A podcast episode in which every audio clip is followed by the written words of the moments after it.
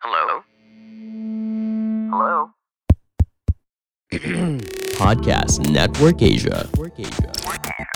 Hai teman-teman, nama saya Ridwan dan selamat datang di podcast sebelum tidur.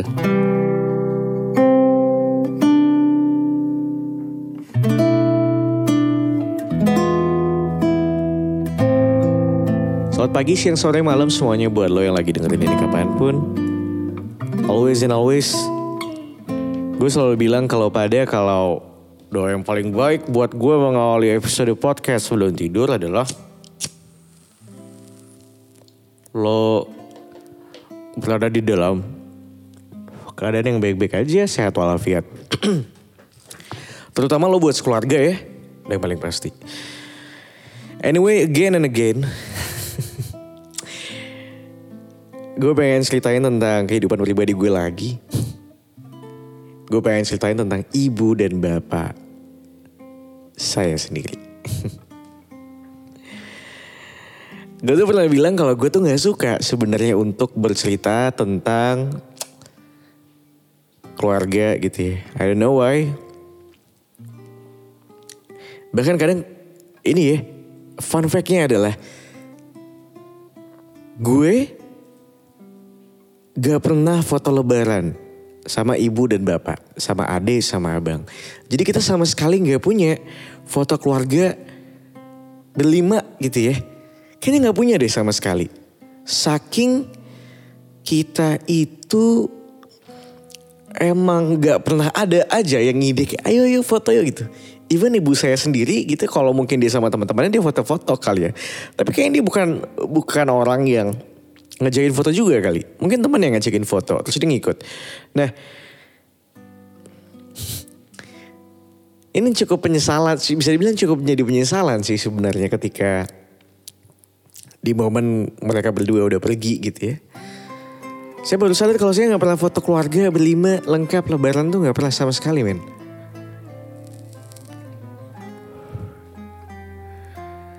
Dan ditanya emang nggak mau gitu kak foto terus diupload ke Instagram.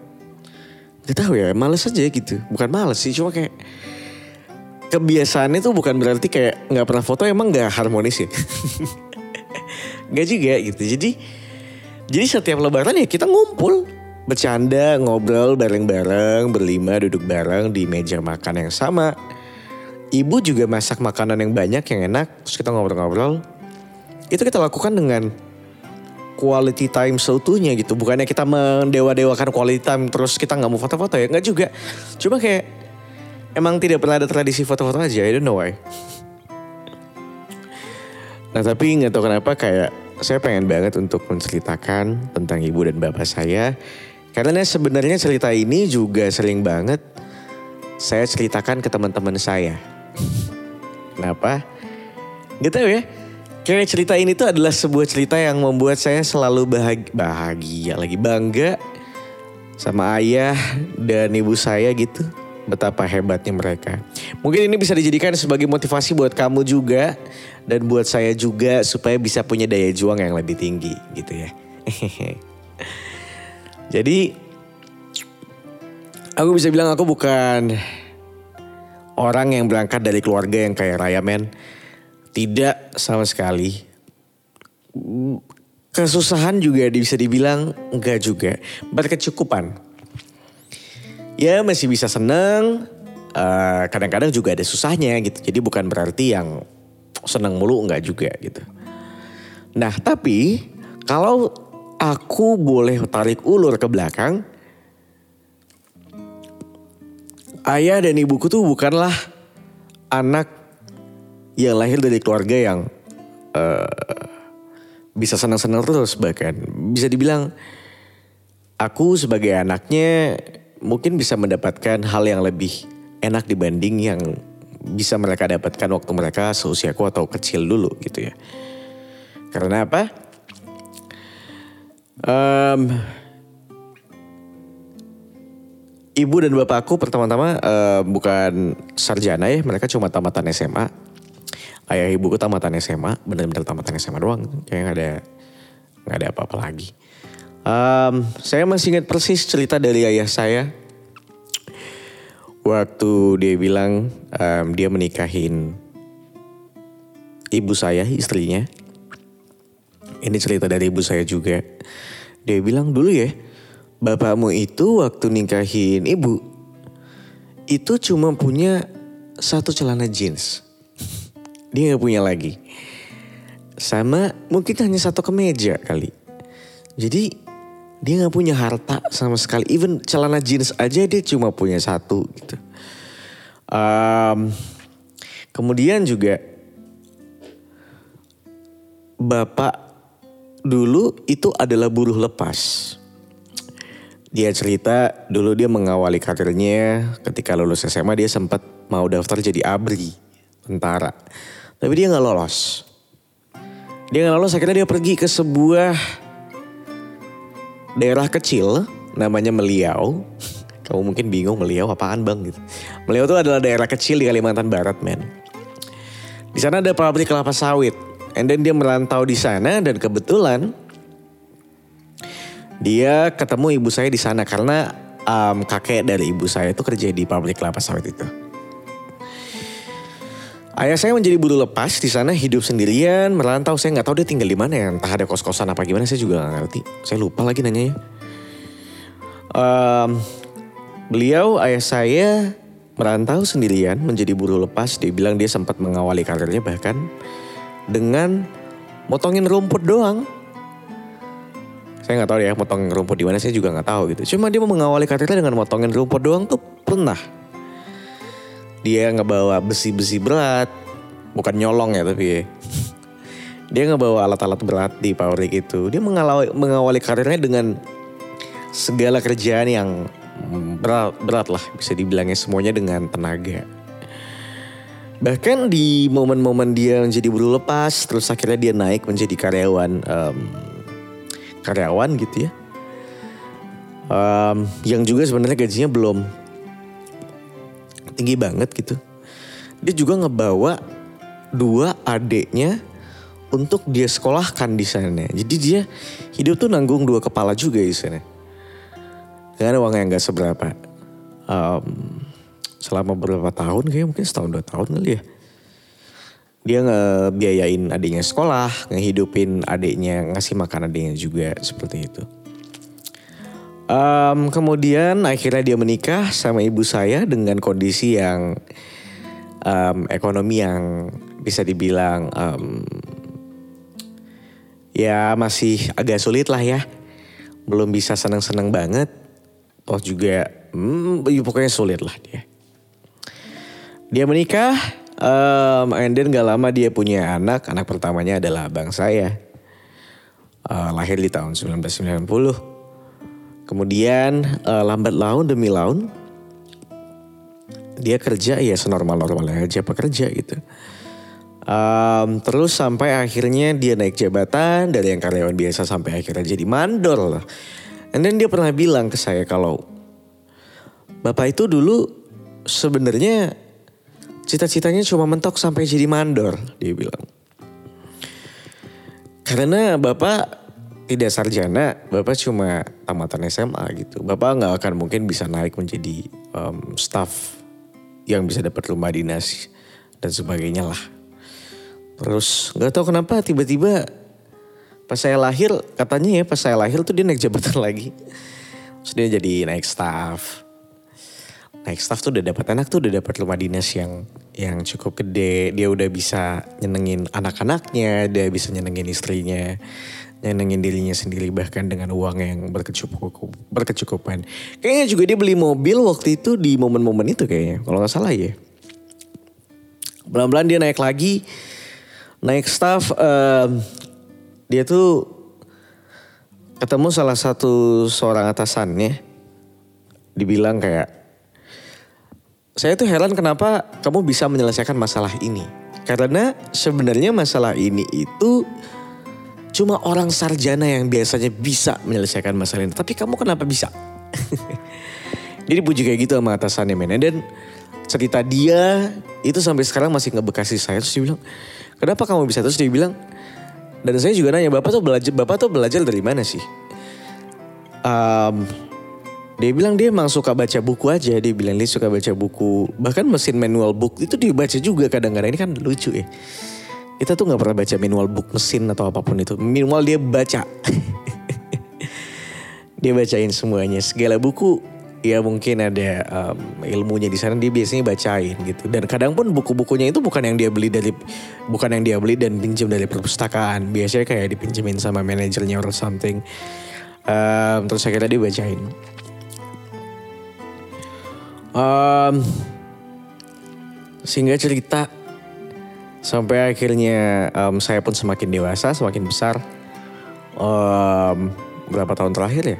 Dia akhirnya menepati uh, posisi akhirnya bisa dibilang menjadi manajer kali ya. Akhirnya dia bisa mendapatkan um, posisi di mana bisa ngedapetin fasilitas yang dia dapat rumah dinas yang lebih baik dia dapat mobil dinas terus dia juga dapat supir untuk dia kerja um, saya tuh nggak expect kayak ini ada orang tamatan SMA gitu ya start from nobody bener-bener nobody sampai akhirnya dia belajar pelan-pelan um, sampai suatu hari dia pernah cerita saya pernah nanya bapak kalau misalnya pensiun nih pak bapak mau ngapain Terus dia bilang paling jadi konsultan dia bilang. Terus kalau konsultan tuh ngapain? Gue bilang. Um, ya ngerancang, ngerancang dan ngedesain pabrik dia bilang. Emang bisa? Saya hanya dengan merendahkan dia dong. Bukan merendahkan ya, tapi kayak kayak eh emang bisa gitu. Maksudnya saya itu kalau ngelihat pabrik, ngelihat rancangan tuh kan pasti berhubungan dengan matematika dan sebagainya ya. Dan segala hitung-hitungan yang jelimet itu. Dan saya tuh gak expect kayak dia orang cuma tamatan SMA terus saya tanya emang bisa gitu bisa lah dia bilang Bapak udah bisa ngerancang pabrik terus tata letaknya di mana berapa, berapa ukuran yang diperlukan terus terus saya bingung sendiri. Kenapa saya nggak bisa kayak bapak saya ya? Hai teman-teman gue Ridwan dari podcast belum tidur. Mudah-mudahan hari ini mood kamu lagi baik ya. Apalagi kalau hari ini kamu senang karena baru punya adik atau keponakan baru. Nah, kamu boleh banget nih cek langsung kebutuhan serba ada, flash sale 3 kali seminggu dan cashback sampai dengan 100 ribu, spesial untuk ibu dan bayi di Tokopedia Parents. Kamu bisa gunakan langsung link yang ada di deskripsi box aku ya, sambil belanja, sambil dengerin podcast sebelum tidur. Apa ya? Bener kata orang ketika generasi kita tuh dibilang generasi strawberry um, di mana daya juang kita tuh lemah banget. Even saya sendiri pun menyadari kalau daya juang saya pun lemah banget gitu dibanding ayah saya yang um, tidak punya biaya untuk kuliah, um, harus mengawali pekerjaannya dengan dari awal banget. Sampai akhirnya dia mau belajar even di usianya yang sudah menua pun dia masih tetap mau belajar. Dia masih tetap mau berkembang untuk menjadi lebih baik. Um, pun sama seperti ibu saya. Ibu saya tamatan SMA memang pokoknya um, dia tuh dulu memang benar-benar ngejagain anak-anaknya dengan sangat baik. Ibu saya nggak kerja karena emang pengennya ya saya ngurus ya emang ayah saya pengennya istrinya ngurusin anaknya aja. Uh, ngurusin sekolah dan lain-lain. Sampai akhirnya 10 tahun belakangan ibu saya tuh pinter masak memang. Dia juga pinter bikin kue. Um, yang saya salut ya dari dia. Dia bikin kue sudah 10 tahun dari yang sehari cuma 50 ribu dia dapatnya dikit banget sampai akhirnya sekarang udah lumayan banget. Tapi saya tahu betapa daya juangnya dia untuk mau berusaha, untuk mau untuk bisa apa namanya? Ya mungkin tetap menjaga keuangan tetap stabil ya untuk untuk keluarganya juga gitu.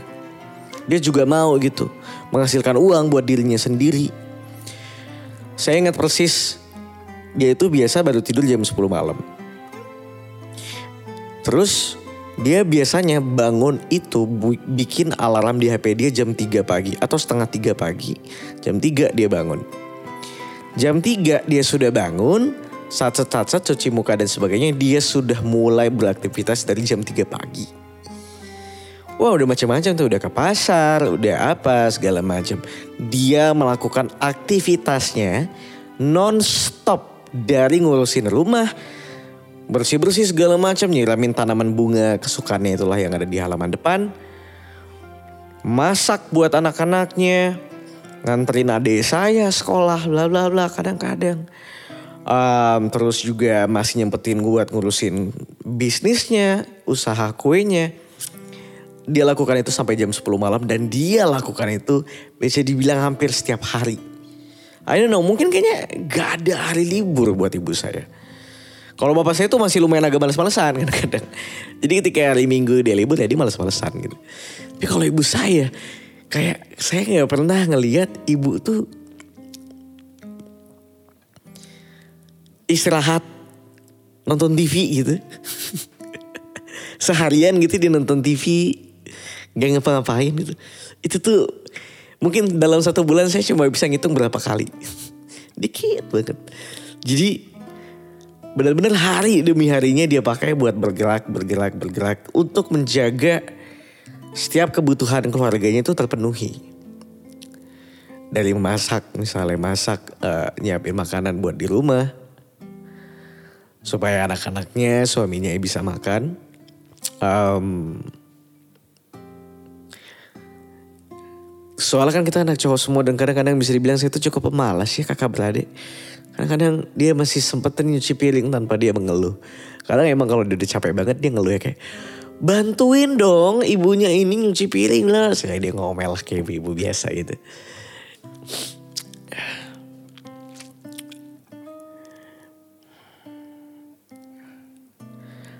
Ini sampai sampai akhirnya mereka berdua pergi gitu ya kemarin. Dengan segala perjuangan yang udah mereka lewatin gitu ya. Makanya kayaknya saya pernah bilang di episode sebelumnya. Ketika saya pulang dari pemakaman ibu saya. Habis mendoakan ayah dan ibu saya, saya pulang ke rumah. Ngelihat rumah yang saya bisa bilang rumah ini udah sangat besar. Udah sangat bagus banget dengan segala hiasan tanaman yang ada. Dengan segala um, furniture seperti ruang tamu dengan kursi yang sudah ada. Ada kulkas, ada dispenser, ada TV untuk kita nonton di ruang tengah. Ada sofa buat kita duduk di ruang tengah. Ada AC di setiap kamar anak-anaknya untuk mereka berdua memastikan anak-anaknya bisa tidur dan istirahat nyaman di rumah. Sudah ada kasur yang nyaman, selimut, baju, lemari, dapur yang nyaman. Dengan mereka yang memulai karirnya dari nol gitu loh. Dari mereka yang berdua bukan siapa-siapa. Sampai akhirnya mereka bisa bikin rumah yang gede, yang bagus, yang nyaman, fasilitasnya lengkap. Udah kayak kos-kosan eksklusif tuh. Dan so ketika saya pulang dari pemakaman, I don't know why. Saya ngeliat rumah ini tuh betapa amaze-nya saya ngelihatnya itu kayak, wow. Mereka berdua dari yang bukan siapa-siapa sampai akhirnya mereka pergi di usia mereka yang bisa dibilang masih cukup muda. Belum menjadi kakek nenek dan sudah menyiapkan segala hal yang diperlukan buat anak-anaknya bisa istirahat nyaman, hidup dan nyaman dan tenang di rumah. Yang udah sih mereka siapkan sebelum mereka pergi gitu.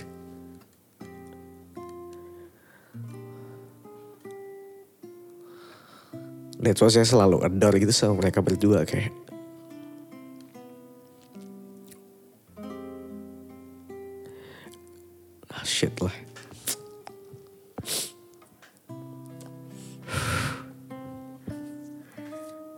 Ya saya sih apa ya kadang-kadang juga pengen gitu punya daya juang yang ah, anjing lah nangis bangsat.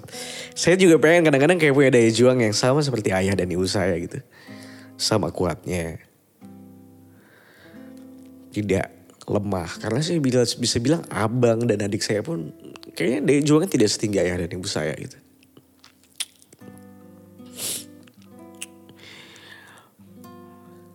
Sedih sih memang ketika mereka udah bisa nyenengin kita sampai sampai saat ini tapi kita sebagai anak sama sekali belum bisa nyenengin mereka berdua gitu ya.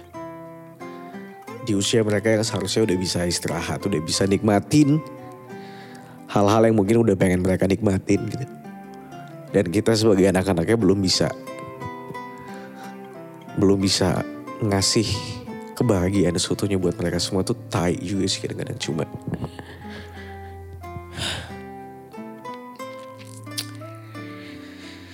Ah, saya pengen ngomong apa ya untuk menutup. Pokoknya, oh iya terakhir untuk nutup. Saya tahu mungkin ada banyak beberapa orang di luar sana yang kadang gak nyaman tinggal di rumah, tidak nyaman tinggal sama keluarganya. Merasa keluarga tidak bisa menjadi tempat buat mereka berkeluh kesah. Well, saya pernah berada di posisi itu teman-teman. Waktu masih ya lima tahun kebelakangan, usia-usia 20-an awal. Sampai akhirnya saya sadar. Seberselisih-berselisihnya pendapat kita sama orang tua. Seberantem-berantemnya kita sama orang tua kita. Setidak nyaman-nyamannya kita berada di rumah dengan orang tua kita. Percayalah. Lo gak akan bisa hidup. Sampai detik ini. Sampai sekarang. Kalau bukan karena orang tua lo. Lo bisa dapat makan. Lo bisa istirahat. Lo bisa dapat gizi yang cukup dari lo berusia 0 sampai lo berusia 20 katakan 18 lo bisa sekolah dari kelas 1 sampai kelas 6 SD tanpa harus memikirkan gimana caranya bayar uang sekolah tanpa harus memikirkan gimana caranya makan buat hari ini lo bisa sekolah dari kelas 1 SMP sampai kelas 3 SMP lo dikasih bimbel lo bisa sekolah sampai dari kelas 1 sampai kelas 3 SMA dan bahkan sampai kelas 3 SMA lu mungkin masih ada yang dikasih orang tuanya buat cari makan. Well, respect buat lo yang mungkin udah cari uang dari awal um, sekolah. Respect buat lo. Gue tahu gak semua kondisi sama. Cuma gue cuma pengen lo yang masih um, banyak di full support sama bokap nyokap lo.